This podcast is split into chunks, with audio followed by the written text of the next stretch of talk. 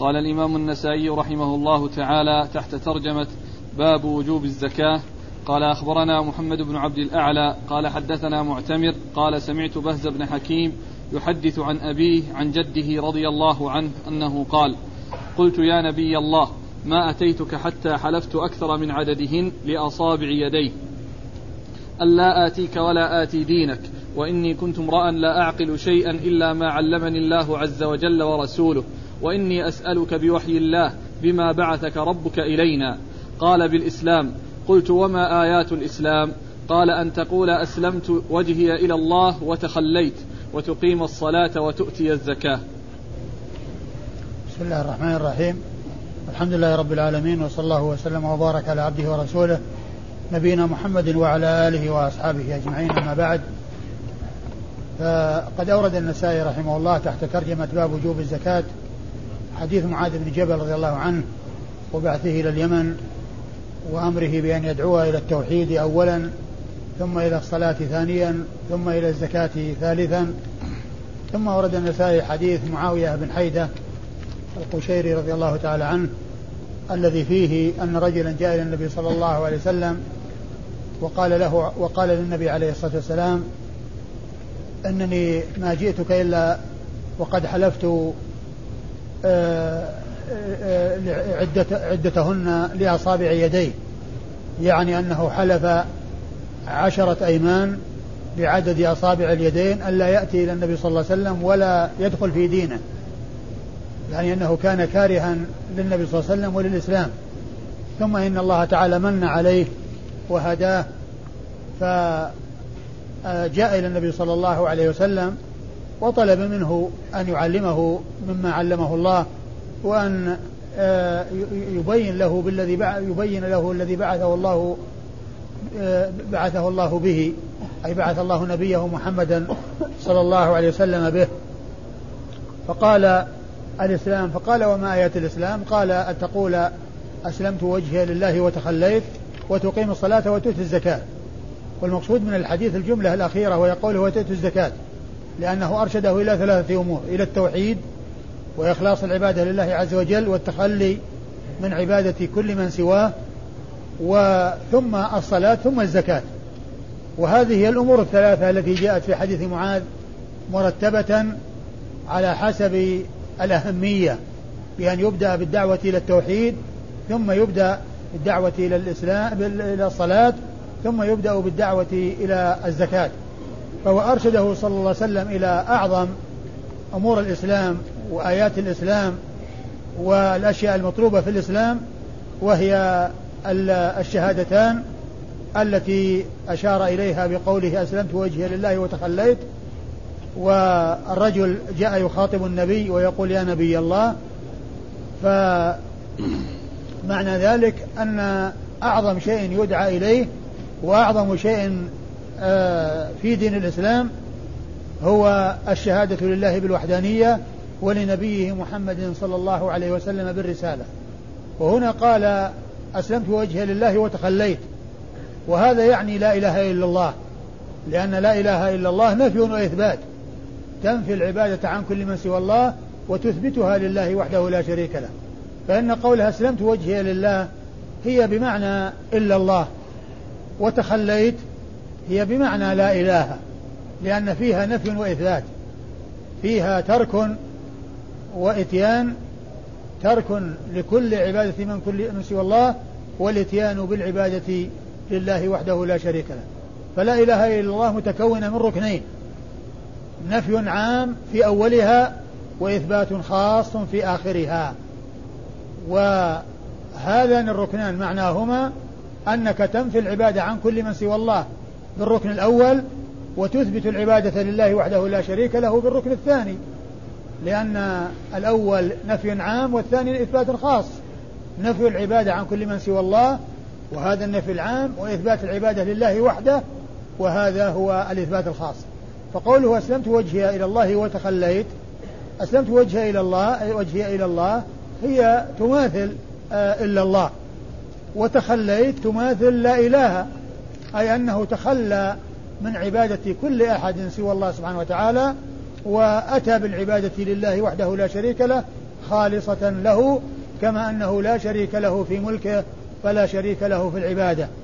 كما أنه هو رب العالمين وهو خالق الخلق فهو الإله الحق الذي يجب أن يفرد بالعبادة ولا يجوز أن يصرف لغيره شيء من أنواع العبادة بل العبادة كلها تكون خالصة لوجهه.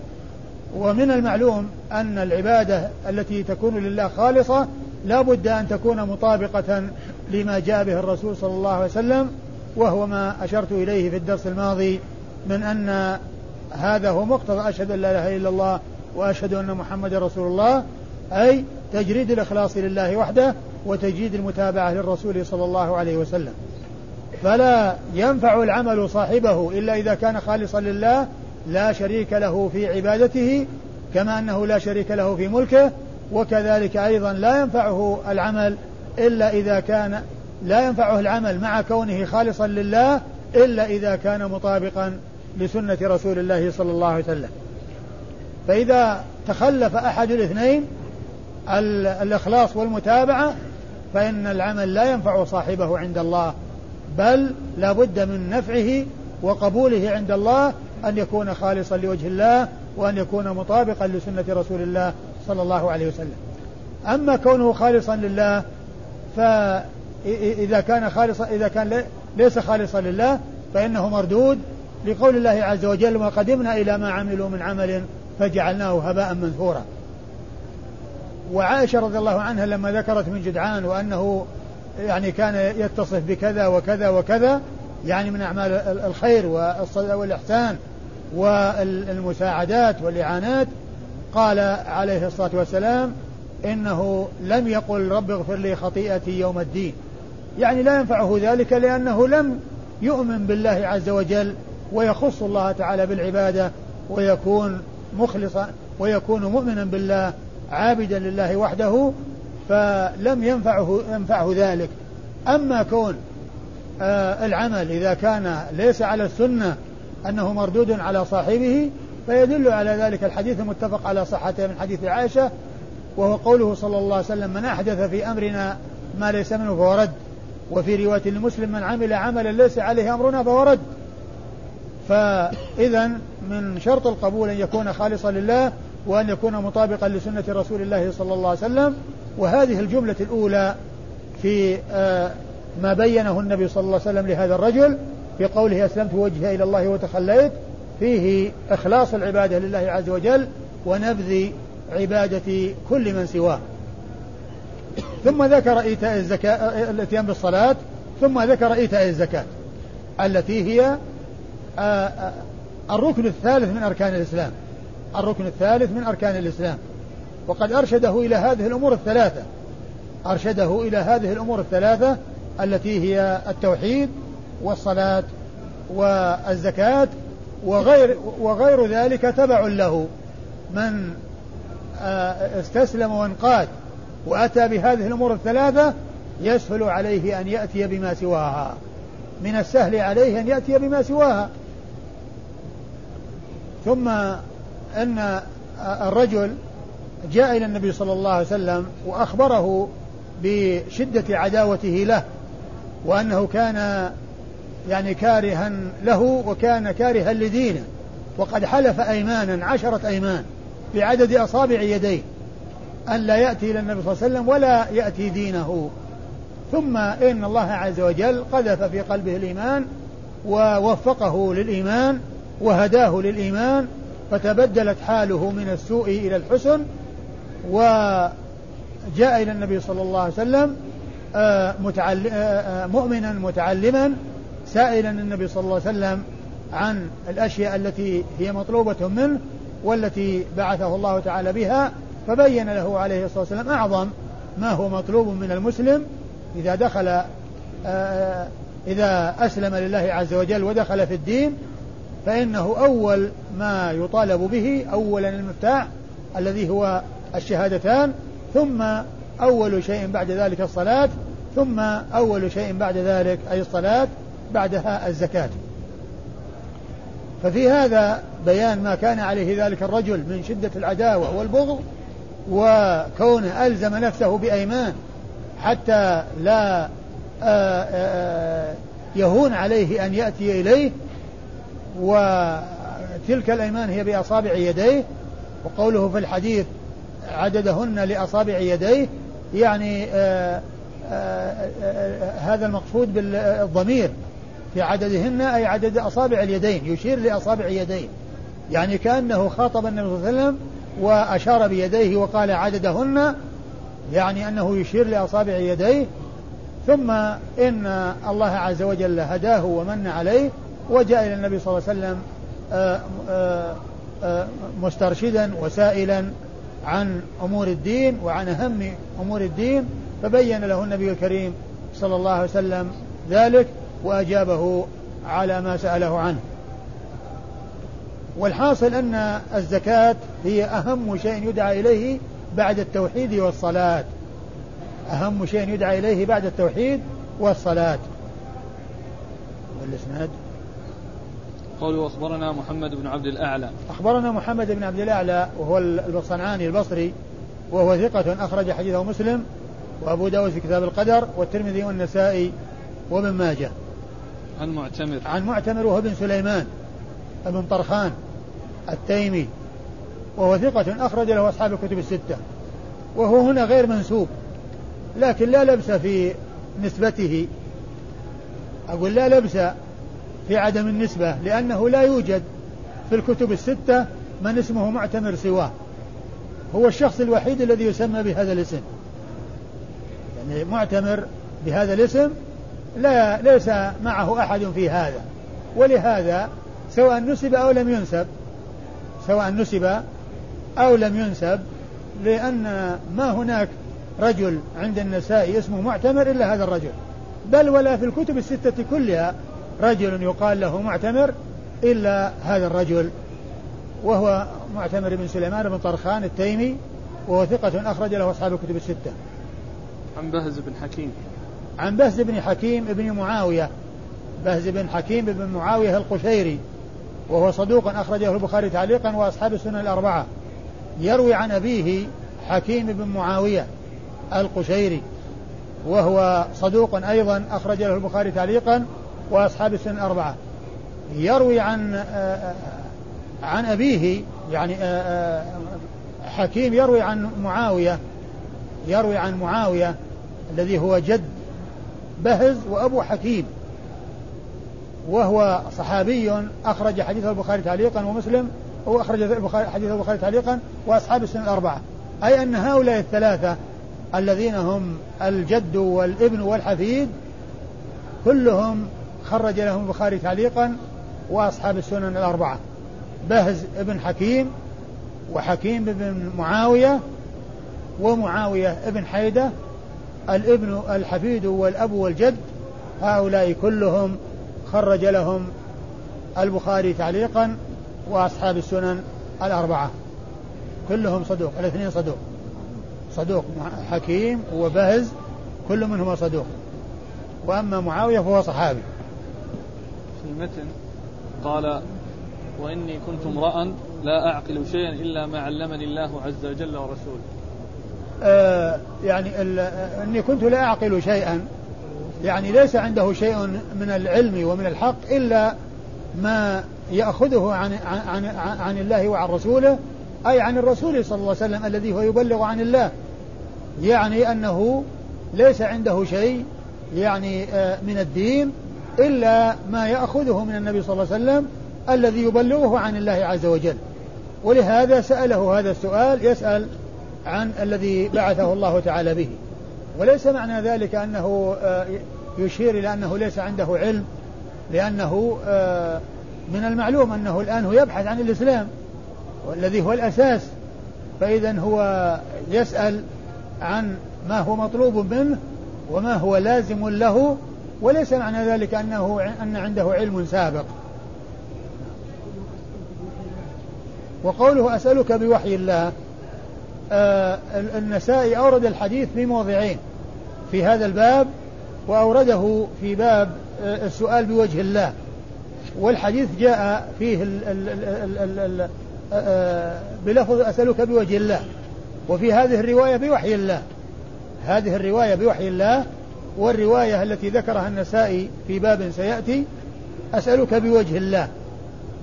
والسؤال بوجه الله السؤال بصفة من صفاته. وكذلك السؤال بوحي الله سؤال بصفة من صفاته لأن الكلام هو وحي الله عز وجل. الوحي الذي وحي الله هو كلامه الذي أوحى به إلى رسله أوحى به إلى رسله الكرام.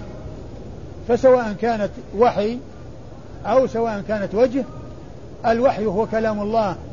وهو سؤال بصفة من صفات الله والوجه صفة من صفات الله وهو سؤال بصفة من صفات الله. فإن كان كل من الروايتين محفوظا فكل له معنى وإن كانت واحدة يعني مصحفة عن الثانية فإن وفي بعض النسخ هنا كما أشار في التعليق إلى أن بعض النسخ فيها بوجه الله وعلى هذا تتفق مع الرواية التي ستأتي. تتفق مع الرواية التي ستأتي. ولكن على كون هذه محفوظة فإن وحي الله هو كلام الله وكلام الله صفة من صفاته ووجه الله صفة من صفاته. قال أخبرنا عيسى بن مساور قال حدثنا محمد بن شعيب بن شابور عن معاوية بن سلام عن أخيه زيد بن سلام أنه أخبره عن جده أبي سلام عن عبد الرحمن بن غن أن أبا مالك الأشعري رضي الله عنه حدثه أن رسول الله صلى الله عليه وآله وسلم قال إسباغ الوضوء شطر الإيمان والحمد لله تملأ الميزان والتسبيح والتكبير يملأ السماوات والأرض والصلاة نور والزكاة برهان والصبر ضياء والقرآن حجة لك أو عليك. ثم أورد النسائي هذا الحديث هو حديث أبي مالك الأشعري رضي الله عنه الذي فيه بيان فضائل لعدة خصال وعدة أعمال. اشتمل على فضائل لعدة أعمال. اشتمل على فضل الطهور والوضوء وإسباغه. واشتمل على فضل آه، التحميد والتسبيح. التحميد والتسبيح. واشتمل على فضل الصلاة وعلى فضل الزكاة وعلى فضل الصبر وعلى بيان أن القرآن حجة للإنسان أو عليه فهو مشتمل على فضائل عديدة ومقصود النسائي من إيراد الحديث في هذا الباب الذي هو باب وجوب الزكاة أو ما يتعلق بالزكاة قوله والصدقة برهان. والصدقة برهان. هذا هو مقصود النسائي من إيراد الحديث. لأن الحديث يعني يتعلق بالصلاة ويتعلق بالزكاة ويتعلق بالصبر ويتعلق بالوضوء وإسباغه ويتعلق بذكر الله عز وجل والثناء عليه. كل هذه فضائل دل عليها هذا الحديث أو اشتمل عليه هذا الحديث على فضائل أعمال قولية وفعلية. فضائل أعمال قولية وفعلية. ومقصود من والمقصود من إراده جملة من جمله وهي والزكاة والصدقة برهان. والصدقة برهان. اللفظ اللفظ الموجود الزكاة. الزكاة نعم. والزكاة برهان؟ نعم. نعم والزكاة برهان. والزكاة برهان. وفي بعض الألفاظ والصدقة برهان. وقد ذكرت أن الزكاة أنها تأتي يراد بها الفريضة وتستعمل للفريضة. وأن الصدقة تأتي للنافلة وللفريضة. وذكرت يعني بعض النصوص التي فيها ذكر الصدقة بمعنى الفريضة. إنما الصدقات للفقراء والمساكين وكذلك خذ من أموالهم صدقة تطهرهم وتزكيهم بها. وحديث معاذ الذي مر بنا بالأمس خذ من تؤخذ أخبرهم من الله فرض عليهم صدقة في أموالهم تؤخذ من أغنيائهم فترد على فقرائهم. وفي الحديث هنا يقول والزكاة والزكاة برهان. والصلاة نور والزكاة برهان. فقوله صلى الله عليه وسلم في الحديث إسباغ الوضوء شطر الإيمان. إسباغ الوضوء وقد جاء في صحيح مسلم الطهور, الطهور شطر الإيمان. الطهور شطر الإيمان. والمراد بالطهور هو الوضوء. المراد بالطهور هو الوضوء شطر الإيمان. وقيل إن قوله إنه شطر الإيمان لأن أن أن أن أن الوضوء فيه طهارة الظاهر وفيه نظافة الظاهر والإيمان فيه نظافة الداخل الباطن. لأن الإيمان فيه طهارة الباطن والوضوء فيه طهارة الظاهر. فصار يعني فصارت الطهارة ظاهرية ظاهرة وباطنة. فالباطنة هي تتعلق بالقلب وهو الإيمان وظاهرة تتعلق بالجوارح التي هي نظافتها فنظافة القلب بالإيمان ونظافة الجوارح بالطهارة التي هي الوضوء. وقيل إن المراد بالإيمان هو الصلاة والطهور هو شطره بمعنى أن أنه لا صلاة إلا بطهور. ليس هناك صلاة إلا بطهور فهي شرط من شرائط الصلاة. بل هي أعظم شرائط الصلاة أن الإنسان يكون على طهارة. ولا ينفع إنسان أن يصلي على غير طهارة.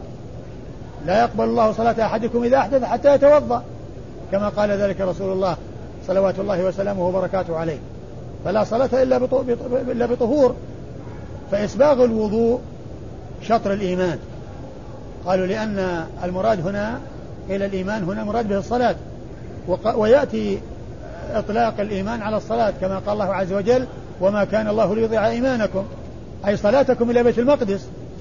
يعني صلاتكم إلى بيت المقدس.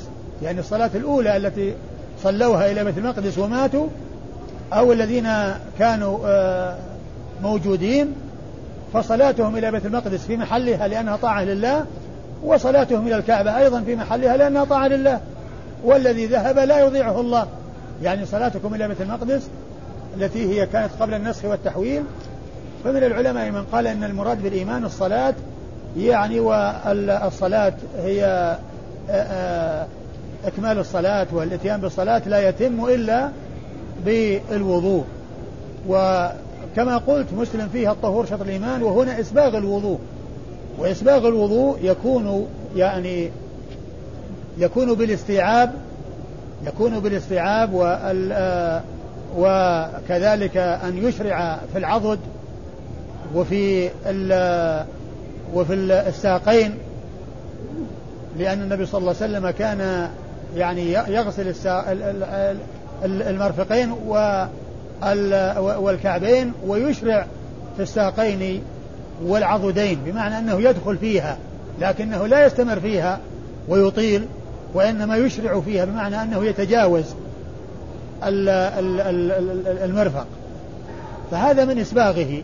يعني العناية بالاستيعاب وكل الإنسان يشرع في الغسل اللي فيه النهاية وهو الكعبان في الرجلين والمرفقان في اليدين بحيث يدخل في العضد ويدخل في الساقين. يعني لكن لا لا يطيل ولا يستمر. وإنما يشرع فيه يشرع فيهما و وكذلك أيضا يكون بالتكرار يعني بكونه يغسل يعني ثلاث مرات يغسل مرتين أو ثلاث مرات لأن هذا من الإسباق لأن هذا من الإسباق فهو شطر الإيمان يعني إكمال الوضوء يعني وإسباغه هو شطر الإيمان. والحمد لله تملأ الميزان. والحمد لله تملأ الميزان. الحمد لله ثناء على الله عز وجل. وكلمة الحمد لله كلمة يقولها الإنسان بلسانه وشأنها عظيم عند الله عز وجل. فقيل في معناها أن الأعمال أن الأعمال تكون وهي أعراض تكون أجسادا وأجساما. يوم القيامة توضع في الميزان. هي وإن كانت يعني عرضا بمعنى أنها صفة وهي كلام إلا أن ذلك الكلام يجعله الله عز وجل على صورة على على على, على صورة جسم وعلى صورة شيء يوضع في الميزان. يوضع في الميزان. ولهذا جاء أن الأعمال تكون أعراضا وتوضع في الميزان. وجاء أيضا يعني كونها تنفع صاحبها مثل ما جاء في في في البقرة وآل عمران. يعني قراءتهما يأتيان يوم القيامة وهما غمامتان أو غيايتان أو فرقان من طير صواف تظل صاحبها يوم القيامة تكون ظلا له. يعني فقراءته التي قرأها لهاتين السورتين يجعلهم الله عز وجل يعني آه، سحابة أو غمامة آه، أو فرقان من طير صواف يعني آه، تظلل صاحبها. الأعمال تقلب أعراضا ويجعلها الله أعراضا وتوضع في الميزان ويستفيد منها صاحبها كالتظلل الذي حصل. فالحمد لله تملأ الميزان يعني شأنها عظيم عند الله عز وجل. وفيه وفيه أيضا دليل على وزن الأعمال على أن الأعمال توزن وإثبات الميزان. وإثبات الميزان وأن هناك ميزان يوزن به توزن به الأعمال. والمقصود من الوزن هو إيقاف الإنسان على أعماله. والموازنة بين يعني سيئاته وحسناته. وليس ليعلم الله عز وجل يعني المقدار فالله تعالى عالم به وعالم بكل شيء وزن أو لم يوزن. لكن المقصود من ذلك إظهار وإيقاف الإنسان على حسناته وسيئاته والموازنة بينها حتى يقف على ذلك وأنه لا يظلم وأن الله تعالى يجازيه يعني آه، بالعدل وبالقسط ولا يظلم ربك أحدا. هذا هو المقصود من الوزن إيقاف الناس على أعمالهم والموازنة بينها والموازنة بينها. والحمد لله تملأ وسبحان الله والحمد لله تملأان تملأ ما بين تملأ إيش؟ والتسبيح والتكبير يملأ السماوات والأرض. والتسبيح والتكبير نعم. والتكبير يملأ السماوات والأرض. وفي لفظ مسلم وسبحان الله والحمد لله تملأان أو تملأ ما بين السماء والأرض. تملأان أو تملأ الواحدة منهما ما بين السماء والأرض. يعني أن الله تعالى يجعلهما يعني على على صفة أجسام وتوضع في الميزان. إيش؟ والصلاة نور. والصلاة نور. والصلاة نور يعني نور لصاحبها في الدنيا والآخرة. فهي نور في وجهه وإشراق في وجهه وضياء في وجهه علامة العبادة وعلامة الطاعة. ثم أيضا تكون نورا له يعني نور آه، معنوي.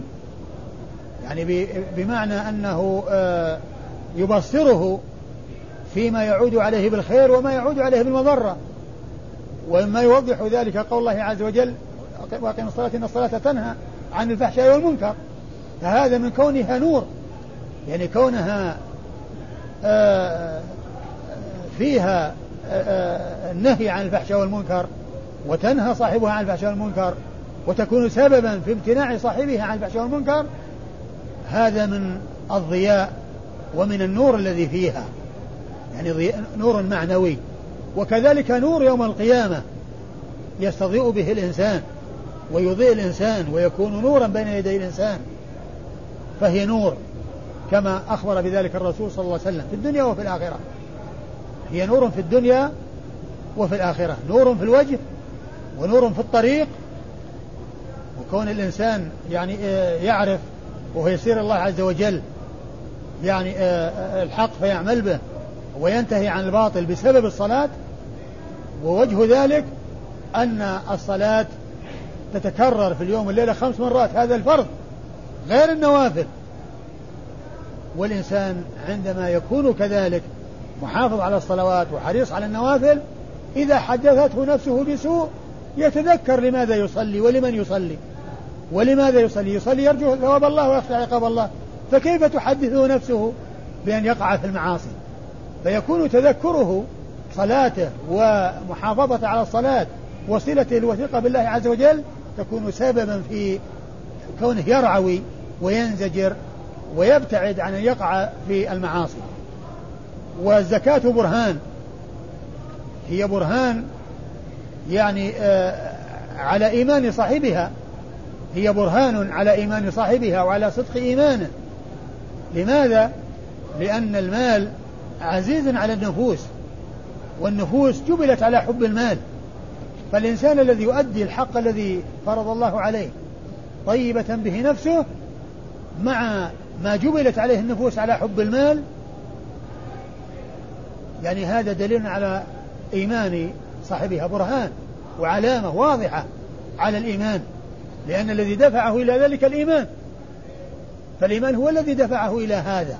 وضعف الإيمان هو الذي يجعله يبخل بالزكاة ويبخل بالمال ولا يصرف المال فيما ينبغي أن يصرف فيه المال. وأمر المال وحرص النفوس عليه وجبل جبلة النفوس عليه يعني هذا أمر معلوم. ولهذا يأتي الإنفاق في سبيل الله عز وجل بالنفس والمال ويقدم المال على النفس. كل المواضع التي جاءت في القرآن فيها تقديم المال على النفس. إلا في موضع واحد قدمت النفس على المال.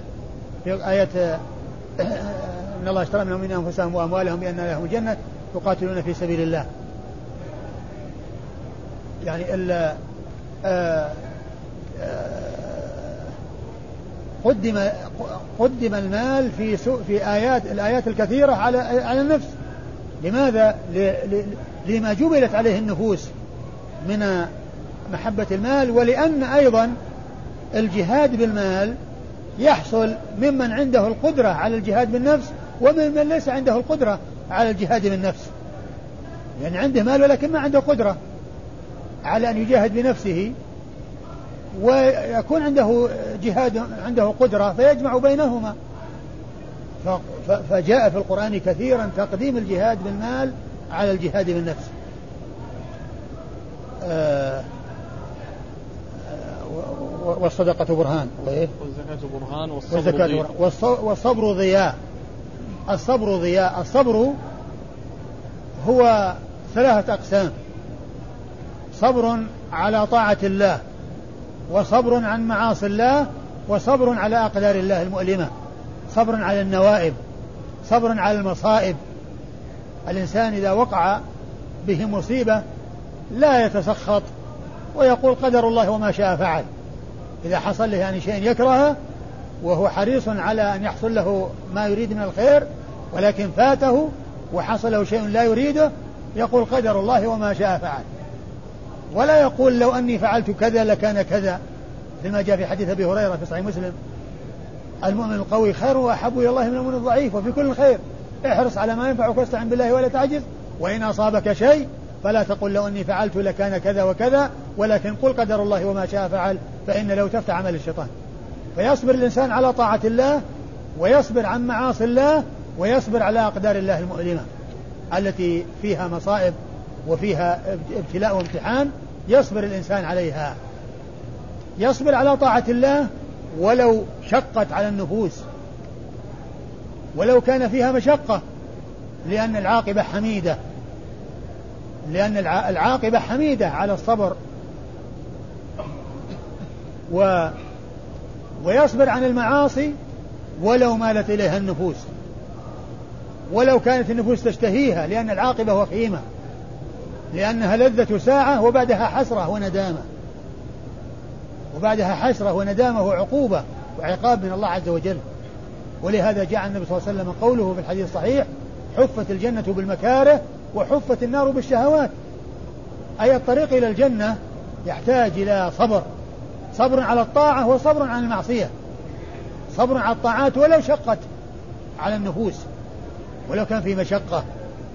الإنسان من المعلوم أنه إذا كان نائما في الليل لا سيما في وقت الشتاء الشتاء وفي شدة البرد والفراش وثير و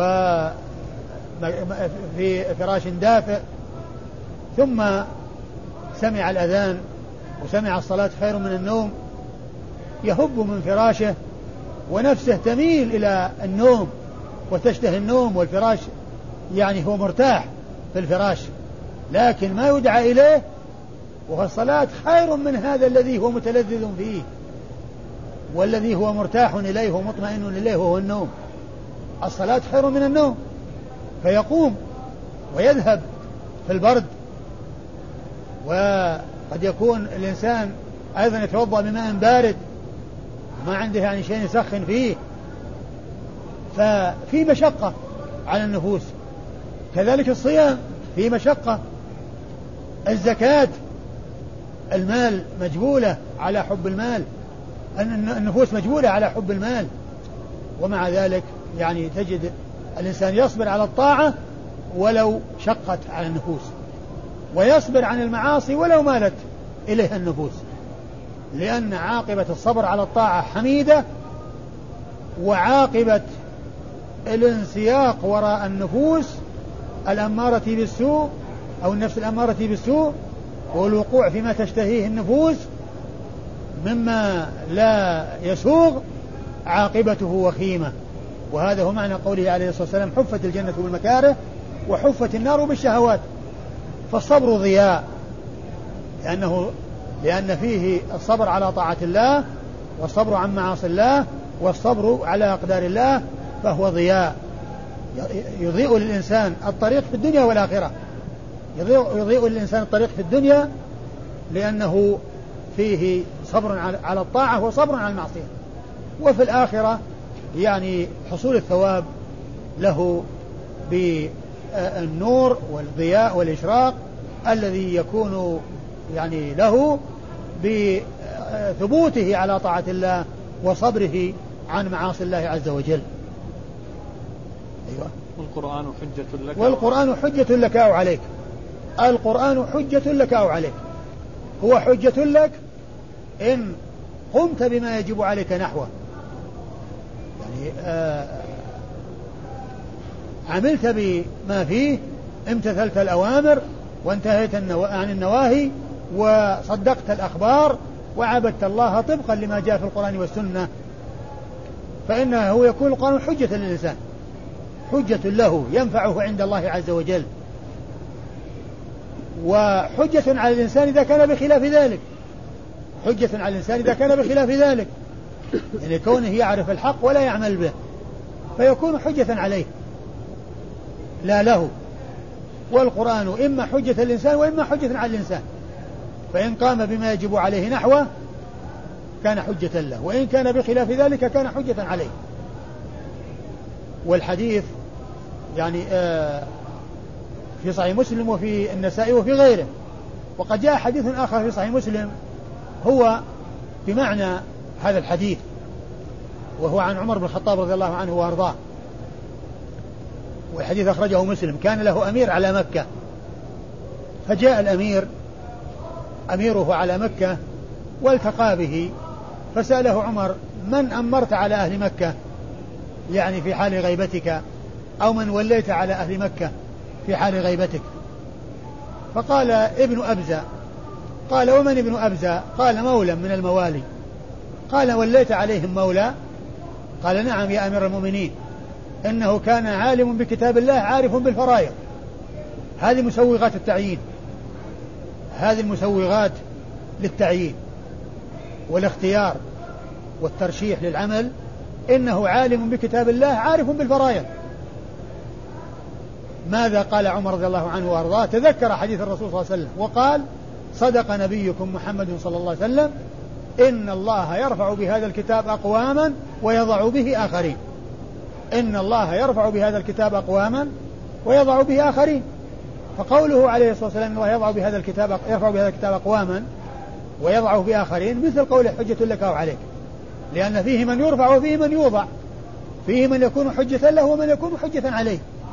فيه من يكون القرآن له وشاهدا له ومنهم من يكون القرآن شاهدا عليه. لأنه ما ما قام بما يجب عليه نحوه. ولهذا عمر رضي الله عنه وأرضاه لما أخبره بوجه الاختيار وأنه مبني على هذا وأنه لعلمه بالكتاب ولمعرفته بالفرائض والأحكام تذكر حديث الرسول صلى الله عليه وسلم وقال عند ذلك صدق نبيكم محمد صلى الله عليه وسلم. يعني آه، فيه تنفيذ وتطبيق أو مطابقة لما جاء عن الرسول صلى الله عليه وسلم. يقول الإنسان صدق الله أو يقول صدق رسول الله. مر بنا قريبا الحديث الذي فيه آه إذا صام يوما يكون عن عشرة أيام ثم قال صدق صدق الله إذ يقول من جاء بالحسنة فله عشر أمثالها. صدق الله. حديث مر بنا قريبا. أن الإنسان إذا صام يوما يكون عن عشرة أيام. قال ثم قال لعله أبو هريرة وكذا صدق صدق الله عز وجل. إذ يقول من جاء بالحسنة فله عشر أمثالها. هنا لما قال له أن هذا الرجل اختاره يعني على غيره وقدمه على غيره لأنه عالم بالكتاب وعارف بالفرائض تذكر الحديث وقال عنده صدق نبيكم محمد صلى الله عليه وسلم. صدق نبيكم محمد صلى الله عليه وسلم. قال عليه الصلاة والسلام إن الله يرفع بهذا الكتاب أقواما ويضع به آخرين. هو الإسناد. قال أخبرنا عيسى بن مساور. أخبرنا عيسى بن مساور وهو صدوق أخرج له النسائي وحده. وهو صدوق أخرج حديثه النسائي وحده. عن محمد بن شعيب بن شابور. عن محمد بن شعيب بن شابور وهو صدوق أخرج حديثه مسلم وأصحاب السنن. أصحاب السنن فقط. أخرج حديثه وأصحاب السنن الأربعة. أخرج حديثه وأصحاب السنن الأربعة. عن معاوية بن سلام. عن معاوية بن سلام وهو ثقة أخرج له أصحاب الكتب الستة. عن أخيه زيد عن أخيه زيد بن سلام وهو ثقة أخرج له البخاري في الأدب المفرد ومسلم وأصحاب السنن الأربعة. عن جده أبي سلام. عن جده أبي سلام واسمه ممطور. واسمه ممطور وهو آه إيش؟ ثقة يرسل أخرج وهو ثقة يرسل أخرج له البخاري البخاري في أدب مفرد ومسلم وأصحاب السنن نعم نعم. يعني مثل حفيده مثل آه زيد بن سلام. مثل مثل زيد بن سلام. مثل زيد بن سلام. أخرجه البخاري في الأدب المفرد. ومسلم وأصحاب السنة الأربعة. عن عبد الرحمن بن غنم. عن عبد الرحمن بن غنم وهو قيل إنه معدود في الصحابة وقيل إنه آآ آه، آآ آه، تابعي ثقة أخرج حديثه. البخاري تعليقا وأصحاب السنن. أخرج حديث البخاري تعليقا وأصحاب السنن الأربعة. عن أبي مالك. عن أبي مالك الأشعري واختلف في اسمه فقيل إن اسمه الحارث وقيل عبيد وقيل كعب وقيل غير ذلك على أقوال كثيرة. وحديثه أخرجه. البخاري تعليقا ومسلم وأبو داود والنسائي وابن ماجه. وحديثه أخرجه البخاري تعليقا ومسلم وأبو داود والنسائي وابن ماجه. قال أخبرنا محمد بن عبد الله بن عبد الحكم عن شعيب عن الليث قال حدثنا خالد عن ابن أبي هلال عن نعيم المجمر أبي عبد الله أنه قال أخبرني صهيب أنه سمع من أبي هريرة ومن أبي سعيد رضي الله عنهما يقولان خطبنا رسول الله صلى الله عليه وآله وسلم يوما فقال والذي نفسي بيده ثلاث مرات ثم أكب فأكب كل رجل منا يبكي لا ندري على ماذا حلف. ثم رفع رأسه في وجهه البشرى فكانت أحب إلينا من حمر النعم. ثم قال ما من عبد يصلي الصلوات الخمس ويصوم رمضان ويخرج ويخرج الزكاة ويجتنب الكبائر السبع إلا فتحت له أبواب الجنة فقيل له ادخل بسلام. ثم ورد النسائي حديث أبي هريرة وأبي سعيد رضي الله تعالى عنهما وفيه أن النبي صلى الله عليه وسلم خطبهم وحلف ولم يذكر المحلوف ثم أكب فأكب الناس يبكون. ثم رفع رأسه وفي وفي وجهه البشرى ففرحوا واعتبروا ذلك خير لهم من حمر النعم التي هي أنفس الأموال عندهم. وحمر النعم يأتي في الحديث يعني ذكر الإشارة إليها وقد جاء عن النبي صلى الله عليه وسلم قوله في علي وادعوهم هو الله لأن يهدي الله بك رجلا واحدا خير لك من حمر النعم. لأنها لأنها أنفس الأموال عندهم. يعني فكانت أنفس أحب إليهم من من من من من, من, من أنفس ما ما هو عندهم. يعني أن هذا الذي حصل أحب إليهم مما هو أنفس شيء عندهم في الحياة الدنيا وهو وهو هذه النعم الحمر التي هذا وصفها. فقال عليه الصلاة والسلام ما من عبد يصلي ما من؟ ما من عبد يصلي الصلوات الخمس ويصوم رمضان ويخرج الزكاة ويجتنب الكبائر السبع إلا فتحت له أبواب الجنة فقيل له ادخل بسلام. يعني ما من عبد يصلي الصلوات الخمس ويصوم رمضان ويؤدي الزكاة ويجتنب الكبائر السبع إلا فتحت له أبواب الجنة وقيل له ادخل بسلام. وفي الحديث ذكر الصلاة والمحافظة على الصلوات الخمس وكذلك فيه ذكر الصيام وذكر الزكاة. والمقصود من إيراد الحديث هنا ذكر الزكاة. كون الزكاة ذكرت كل إنسان يؤدي الزكاة. ثم مع كونه يفعل هذه الأفعال يجتنب الكبائر السبع وهي الموبقات. وقد جاء عن النبي صلى الله عليه وسلم ذكر السبع الموبقات وهي الشرك بالله والزنا والقتل النفس التي حرم الله والسحر وأكل الربا وأكل مال اليتيم والتولي يوم الزحف وقذف المحصنات الغافلات المؤمنات. يعني هذه وردت في حديث أبي هريرة حديث صحيح الثابت عن رسول الله صلى الله عليه وسلم. فال ال ال فهذا الجزاء يكون على ترك وعلى فعل. على ترك وهو ترك المحرمات وترك الكبائر والموبقات وعلى أيضا فعل وهو الإتيان بالصلوات والإتيان بالصيام والإتيان بالزكاة.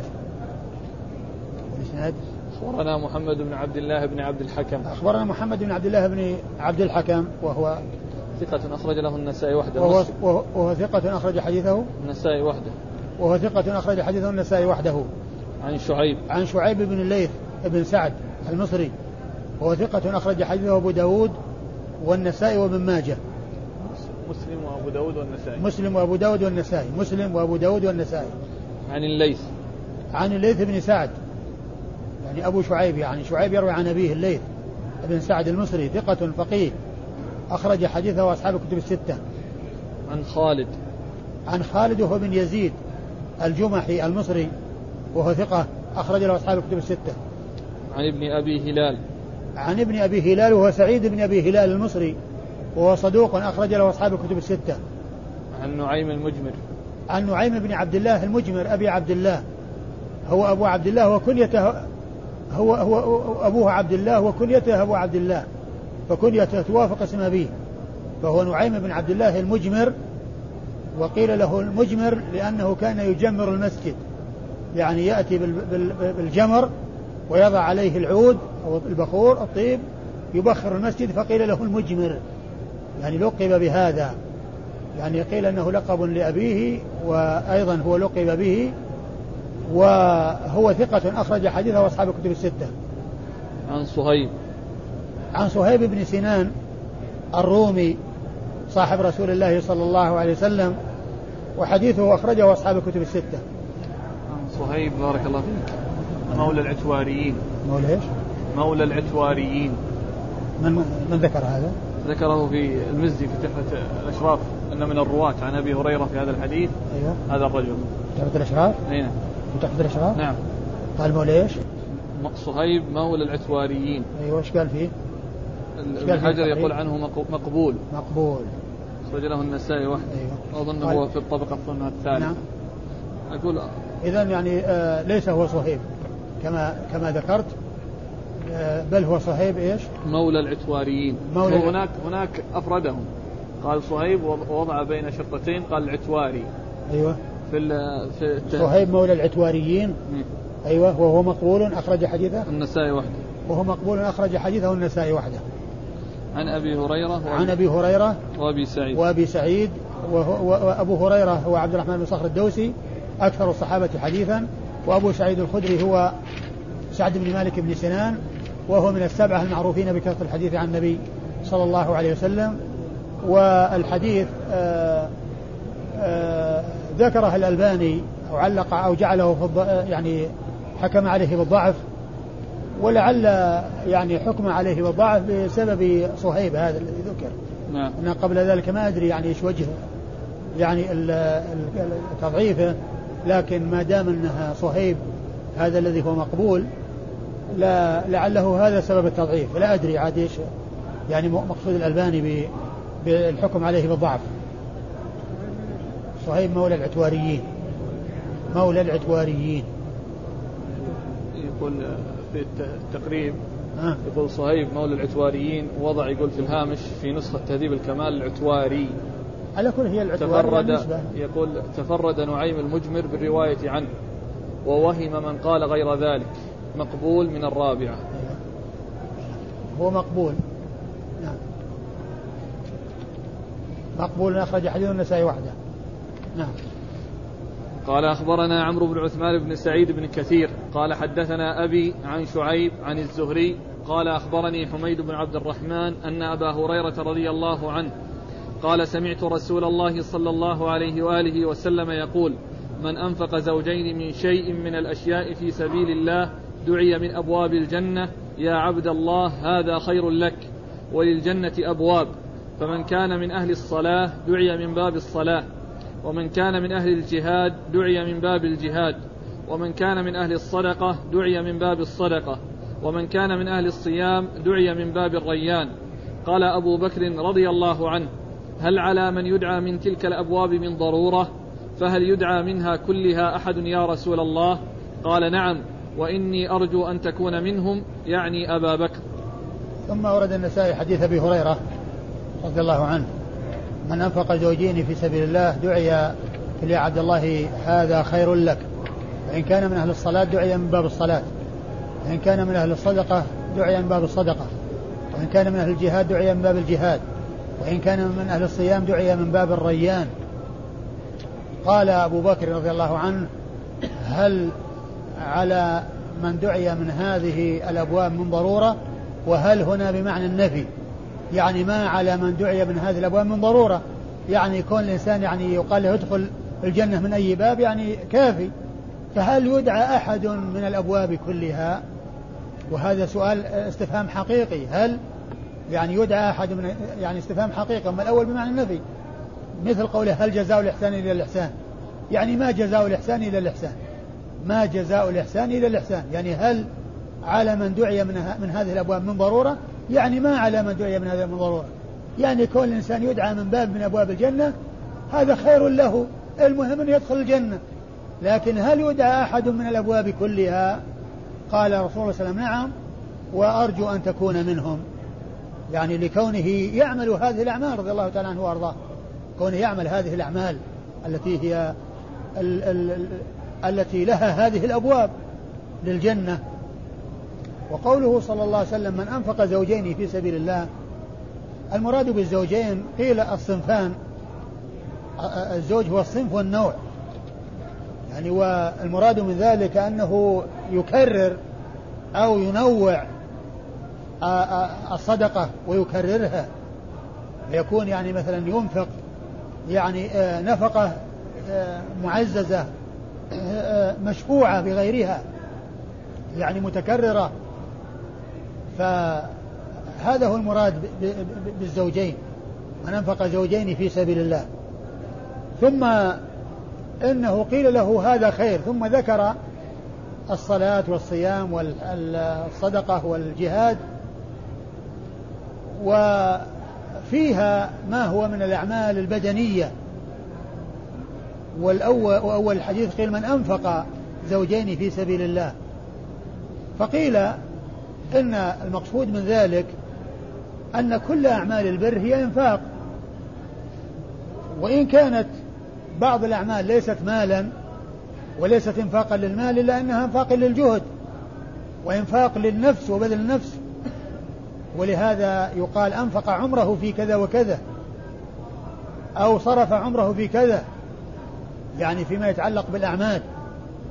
ولهذا جاء يعني بعد ذلك إن كان من كذا من نفق في زوجين في سبيل الله دعي قيل هذا هذا خير فيحتمل أن يكون المراد أن ذلك يرجع إلى الصدقة ويحتمل أن يكون ذلك يرجع إلى الإنفاق العام الذي يشمل الصدقة المالية والصدقة غير المالية التي تكون ببذل النفع وبذل الخير كما جاء عن النبي صلى الله عليه وسلم تعديد الصدقات وإطلاق الصدقات على أنواع كثيرة غير آه، البذل بذل المال مثل آه، آه، يعني إماطة الأذى عن الطريق صدقة وأمر معروف صدقة ونهي عن منكر صدقة والكلمة الطيبة صدقة وكل هذه من أنواع الصدقات لأنها صدقة من الإنسان على نفسه إذ عمل أعمالا تفيده وأيضا تصدق على غيره إذا أحسن إليه إذا أحسن إليه بهذه الأنواع إماطة الأذى عن الطريق لأنه تصدق على الناس إذ أزال الأذى عن طريقهم حتى لا يتعرضوا لأذى وحتى لا يحصل لهم أذى. والأمر معروف صدقة لأنه دلهم على الخير والنهي عن المنكر صدقة لأنه حذرهم من الشر والكلمة الطيبة صدقة لأن الإنسان تكلم بكلام سر الإنسان وأفاده واستفاد منه. فيكون المراد بالإنفاق يعني العموم ما يشمل المال وغير المال. يعني الجهد والمال. آه ثم في الحديث دليل على أن تلك الأعمال لها أبواب في الجنة الصدقة لها باب قال باب الصدقة والجهاد باب الجهاد والزكاة الصلاة باب الصلاة والح وال وال والصيام قال باب الريان. يعني يختلف ما قيل اسمه باب باب الصيام وإنما قيل له الريان لأنه يشعر بالري. وأن من دخله يشرب ويروى لأنه عطش نفسه في الدنيا فأخبر بأنه يدخل من هذا الباب الذي يشعر بالري. ثم قال أبو بكر رضي الله عنه ما على من دخل من هذه الأبواب من أي, من أي باب من هذا من ضرورة؟ فهل يدعى أحد من تلك الأبواب؟ قال نعم وأرجو أن تكون منهم. نعم. قال أخبرنا عمرو بن عثمان بن سعيد بن كثير أخبرنا عمرو بن عثمان بن سعيد بن كثير الحمصي وهو صدوق. نعم. أخرج له أبو داود والنسائي وابن ماجه. أخرجه أبو داود والنسائي وابن ماجه. عن أبيه. عن أبيه وهو ثقة أخرج له أبو داود والنسائي وابن ماجه. عن شعيب. عن شعيب بن أبي حمزة الحمصي وهو ثقة أخرج له أصحاب الكتب الستة. عن الزهري. عن الزهري محمد بن مسلم بن عبيد الله بن شهاب الزهري ثقة فقيه. من صغار التابعين أخرج له أصحاب الكتب الستة. عن حميد بن عبد الرحمن. عن حميد بن عبد الرحمن بن عوف وهو ثقة أخرج له أصحاب الكتب الستة. عن أبي هريرة. عن أبي هريرة عبد الرحمن بن صخر الدوسي رضي الله عنه وقد مر ذكره. بقية الأبواب في الجنة معروفة الأسماء. الله أعلم ما ندري. وثم أيضا لا يلزم أن يقال أن أن الأبواب أنها ثمانية يعني بالنسبة لثمانية أعمال لأن كما هو معلوم أبواب الجنة ثمانية كما كما كما جاء ذلك في الأحاديث الكثيرة فتحت له أبواب الجنة الثمانية. يدخل من أيها شاء من قال كذا ومن فعل كذا. فأعمال لا يقال أن كل عمل من الأعمال له باب فيمكن أن يكون هناك أبواب يعني عامة وأبواب خاصة داخلة ضمن تلك الأبواب. يعني تستوعب أعمال الخير لكن كونها تكون يعني أنها أعمال ثمانية من أعمال الخير لها أبواب والباقي يعني ليس له أبواب يعني هذا ليس بظاهر ليس بظاهر. فيمكن أن تكون هناك أبواب رئيسية يعني تسمى بهذا وهناك أبواب جزئية يعني الأبواب الرئيسية ثمانية كما جاء في الحديث لكن هناك أبواب في داخل هذه الأبواب أبواب ضمن هذه الأبواب. طيب وهذه وذكر المعلق أن فيه أشياء يعني ذكر أن ذكر في الحاشية أن فيه يعني أبواب يعني كذا وقال أن هذه سبعة ويمكن أن يكون الثامن كذا وكذا. وهذا يعني لا يعني أن تكون أبواب الأبواب يعني هي بعدد هذه الخصال بل خصال الخير كثيرة ويدخل الجنة أصحابها فيمكن والله أعلم أن الجنة لها ثمانية أبواب كما جاء أبواب الجنة الثمانية لكن الأبواب تحتها أبواب وفيها أبواب. أظن ذكر في الحاشية ما نعم ما نعم نعم ذكر بقيت دقيقتان نكمل. والله تعالى أعلم وصلى الله وسلم وبارك على عبده ورسوله نبينا محمد وعلى آله وأصحابه أجمعين. اللي بعده وش هو؟ باب بعد باب باب التغليظ. من الزكاة؟ طيب النبي ها؟ النبي لا شك.